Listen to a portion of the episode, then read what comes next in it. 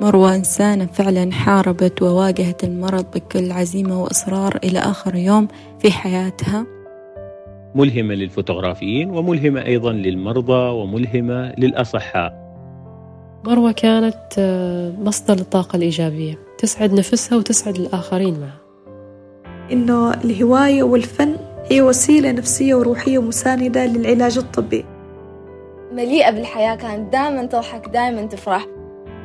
كانت تشرح عن الألم أنا يتقطع قلبي معاها ولكن هي ما شاء الله عليها قمة في التماسك. رغم السرطان اللي كان يأكل وينهش في جسدها مروة كانت عندها ابتسامة ساحرة. استوديو كان موجود في غرفتها في المستشفى.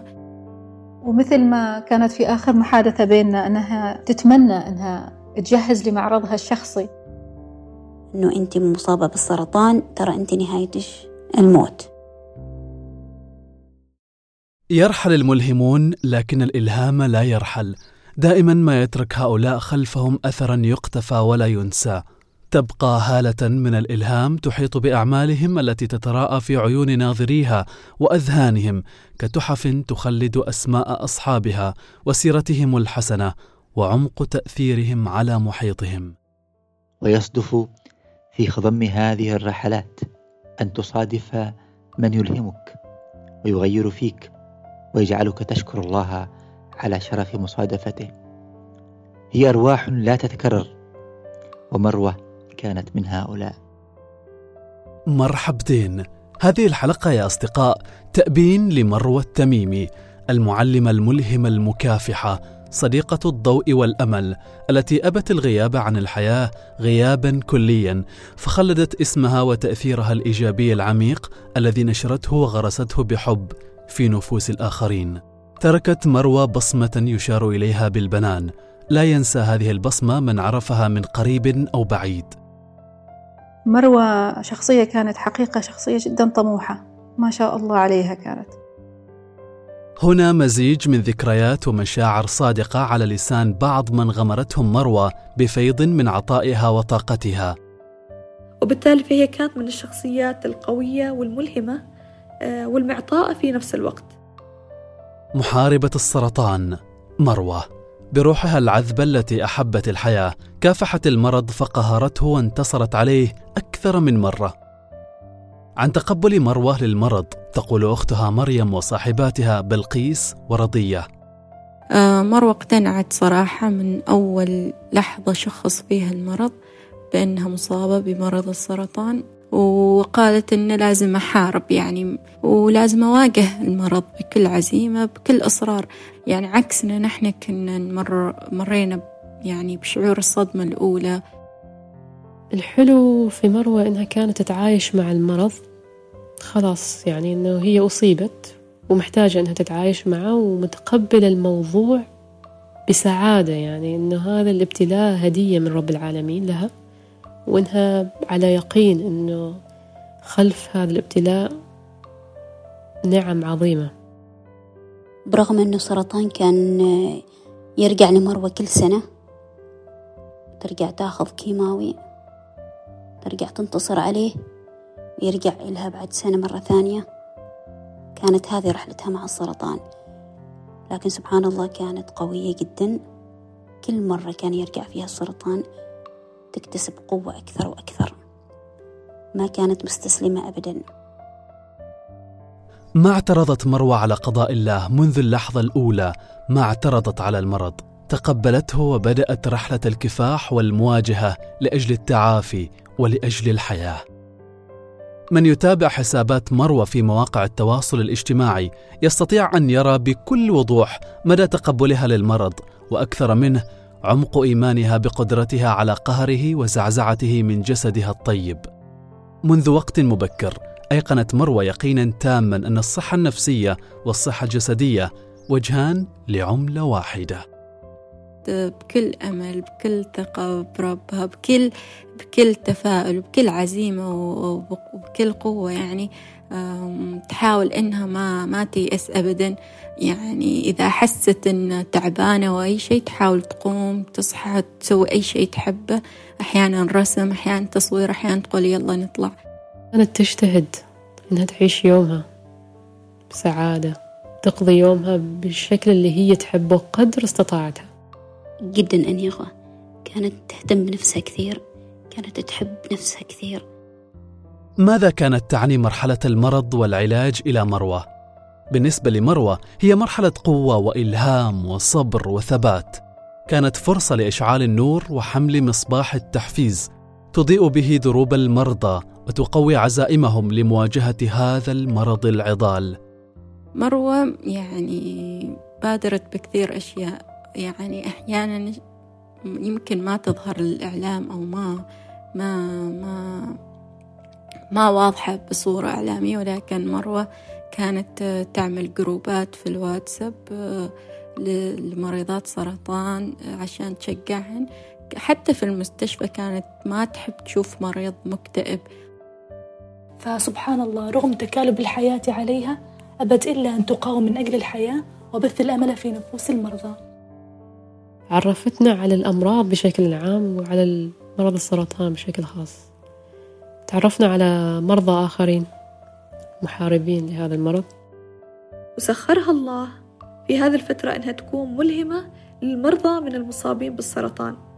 وبالتأكيد طبعا هي كانت ملهمة حتى للأصحاء من خلال فنها ومن خلال تحديها للصعاب وكانت دائما آه، تصغر هول وعظائم الأمور مروة أشهر من نار على علم شقت طريقا تقف فيه بين محاربي السرطان من جهة والمجتمع المحيط من جهة أخرى تدعم المحاربين تارة وتنشر الوعي بتصحيح الفهم المغلوط بين الناس فيما يخص السرطان ومراحل العلاج تارة أخرى.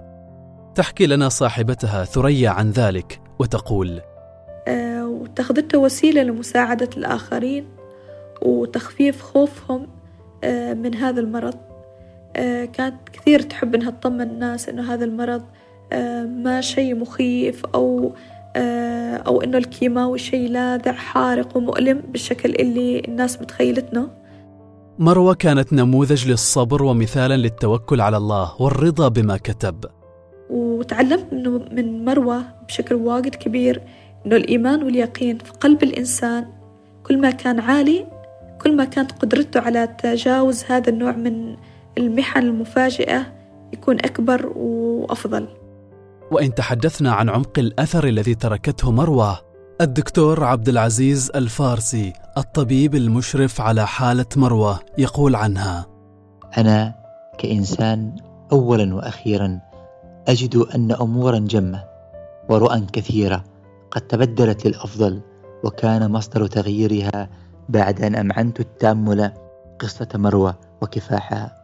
إني آه، أشعر بالفخر أني عرفت مروة وتعلمت الكثير منها وأكثر ما يعلق بذاكرتي من التقاها ثقتها الكبيرة بالله. انعكست تلك الثقة في ابتسامتها الدائمة مهما كان الظرف. كانت صبورة للغاية لا تتزعزع. مهما كان الخبر الذي ننقله إليها لم نجد إلا الرضا والأمل الكبير. يعلق بالذاكرة كفاحها المستمر وسعيها الدؤوب للمواجهة. كانت الأدرى بكل الخيارات المتاحة واتخذت المحاولة منهاجا للمقاومة. كان وعيها عاملا مهما في رحلتها وعلمنا الكثير. كان ذلك من دواعي سرور مروة. فالسعادة والرضا هو الشعور الذي كانت تجنيه من عطائها المثمر. ما كانت السعادة خيار باعتقاد مروة بل كانت قرار ونهج حياة. كانت تخطط لتحقق سعادتها حريصة على نفسها تسعى لأن تبهج روحها المتلونة بالحياة. هذا الشيء كثير يعني خلاني أفكر أنه مروة على تعبها ومرضها هي كانت تجتهد أنها تسعد نفسها هل لهذه الدرجة إسعاد النفس مهم؟ هذا كان مفهوم جديد بالنسبة لي. من مقتضيات السعادة أن يفتش كل واحد عن مصادر السعادة والفرح. سارت مروى على هذا النهج وتبعت مسببات البهجة التي تقويها وتنسيها آلامها. مروة فراشة تتسم بالجمال والخفة. روح جميلة وظل خفيف. مروة التي أينما غرست أثمرت املا وشغفا وحبا. لمروة ابتسامة لا تمحي لا تنزوي مهما اشتدت الأوضاع وتطل كمصل يداوي الأوجاع. ارتبط اسم مروى التميمي بالكفاح والقوة وحب الحياة وارتبط كثيرا بالضوء والصورة. مروة كانت مصورة بفن متميز. احتل التصوير قلب مروة وحين اعترضها المرض صحبها التصوير كثيرا وترابطا بقوة أكبر. فكنا نحن نرتب لها أغراضها وغيرها هي كانت مشغولة ترتب عدة التصوير. حتى في معاناتها مع السرطان كانت ترجم كل هذا الشيء بلوحات فنية من تصويرها. كانت شغوفة فعلا بعالم التصوير لذلك كان هو مخرجها. التصوير كان شغفها ومتنفس لها يساندها ويساعدها في رحلة كفاحها. اتخذت من التصوير صديقا مؤنسا وسندا. هي إنسانة وجدت من الصورة المتنفس وكانت مبدعة في هذا المجال. دخلت عليها الغرفة حصلتها فوق السرير غرفة المستشفى فوق السرير ماسكة الكاميرا وجالسة تصور فازة على على الروزنة نحن نسميها كذا جالسة تصورها. وكان فيها وايرات سقايات الكيماوي. وفجأة يدخل الدكتور شافها بهذيك بهذاك المنظر وانصدم. ففعلا مروة كانت يعني هوايتها تسحبها بشكل أحيانا عفوي. ما شاء الله يعني مروة كان إيمانها جدا عميق إنه الهواية والفن هي وسيلة نفسية وروحية مساندة للعلاج الطبي. ومثل ما كانت في آخر محادثة بيننا أنها تتمنى أنها تجهز لمعرضها الشخصي. ما تخلت مروة عن التصوير خلال فترة علاجها لكنها ربما كانت أكثر قربا منه. فانشغالها بما تحب وإنجازها فيه كان دافعا لها للتمسك بالأمل والحياة. الفن كان دافع قوي ومشجع لمروة أختي عشان تواجه هذا المرض. ما كان نتاج المعاناة إلا أعمالا فنية متفردة ولعل اختلافها هو ما جعلها مميزة إلى حد كبير. أحمد البوسعيدي رئيس الجمعية العمانية للتصوير الضوئي متحدثا عن أعمالها الفنية. أعمال فنية فوتوغرافية تخرج من رحم المعاناة. المتابع والمشاهد لأعمال مروة التميمية خلال فترة آه، إنتاجها يلاحظ آه، الكمية الكبيرة من الأمل ومن المعاناة ومن الإيمان القوي بفكرة الفن آه، في يعني مجابهة المرض وكذلك الجمال الإبداعي الموجود في هذه الأعمال. آه، نتاجها الفني آه، مميز والأعمال الفنية اللي أنتجتها طبعا يعني فيها لمسة خاصة بمروة. يمكن ما يعني نادر إنك تجد يعني فنان آه، يخرج بأعمال مميزة ويكون في مسار معين خاصة في فترة آه، زمنية قصيرة نوعا ما.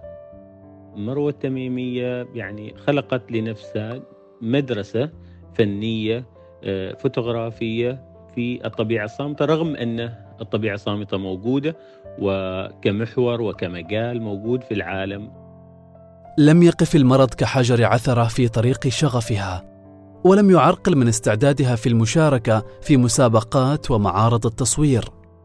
وهنا خالد العبري مصور متحدثا عن مشاركات مروة في مسابقات التصوير.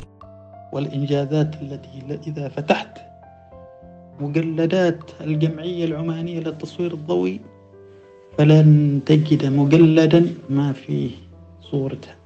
أو مشاركة منها. هذا كانت حريصة جدا جدا.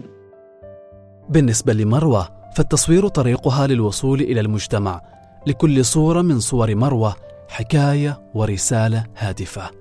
تود إيصالها للمشاهد بطريقة ملفتة ومميزة. زميلات الضوء ينظرن لها من منظور مختلف. هنا ثريا وطيف مصورات وزميلات مروة. تفكيرها جدا كان عميق. لذلك معظم أعمالها الفنية تجسد أفكار مختلفة وغير مألوفة. آه، ممكن أقول إنه إصابتها بالمرض آه، أخذت هذا الجانب الفني آه، اللي تعشقه مروة لمنحنى محب لفعل الخير واتخذته وسيلة لمساعدة الآخرين وتخفيف خوفهم من هذا المرض. كانت كثير تحب إنها تطمن الناس إنه هذا المرض ما شيء مخيف أو أو إنه الكيماوي شيء لاذع حارق ومؤلم بالشكل اللي الناس متخيلتنا. وبالتالي فهي كانت من الشخصيات القوية والملهمة والمعطاءة في نفس الوقت. قالت لي النصيحة اللي أنصحك إياها يا طيف إنش تركزي على الرسالة اللي تريدي توصليها في الصورة. قالت لي يعني قالت لي وهذا الشيء يعني غالبا بتحصليه في صوري إني دائما أول شيء أركز على الرسالة اللي أبغى أوصلها وبعدين أركز على الأشياء الثانية اللي هي الإضاءة والتكوين و... وإلى غيره يعني. الرسالة في كل فن معيار له أهميته واعتباره. أوصلت رسائلك يا مروة ونفعت بها. لعل بعضنا يظن أن براعة مروة كانت في التصوير وإثبات الحياة النابضة خلال الصورة كما يظهر ذلك في الصور التي تركتها لنا لكن براعتها في رأيي وما لم يتسن لي قوله لها في حياتها تظهر في الحيوات التي بثتها فينا وفي الكفاح والمواجهة والحب للحياة. أشياء رسختها فينا وصورتها وصورها لا تزال فينا. رحلت مروة وظل فنها وإبداعها يروي قصة انتصاراتها ومعاناتها مع المرض فيرحل الأبطال وتبقى آثارهم خالدة فينا ما حيينا. لا تنتهي حيوات الأشخاص بالموت تنتهي حين يرحلون دون أثر. أثر مروة باق هي معنا بما علمتنا وما التقطته الكاميرا. بين يديها سيمضي وقت كثير حتى نرى ما رأت حتى نفهم أبعاد الصورة. وتفاصيل الوجوه والحكاية. في 15 إبريل 2020 رحلت أيقونة الصبر. رحلت صديقة العدسة والأمل وخلدت اسما حفر في الأذهان وفنا ملهما يحكي قصة بطلته المكافحة. رحمة الله على مروة. نسأل الله لها المغفرة وجزاها الله عنا خير الجزاء. فرحمة الله عليك يا مروة. وأسكنك فسيح جناته. وسنبقى ما حينا على ذكراك الطيبة الطاهرة. أختا عزيزة. لله ما أعطى ولله ما أخذ. عليك رحمة من الله ومغفرة ورضوان.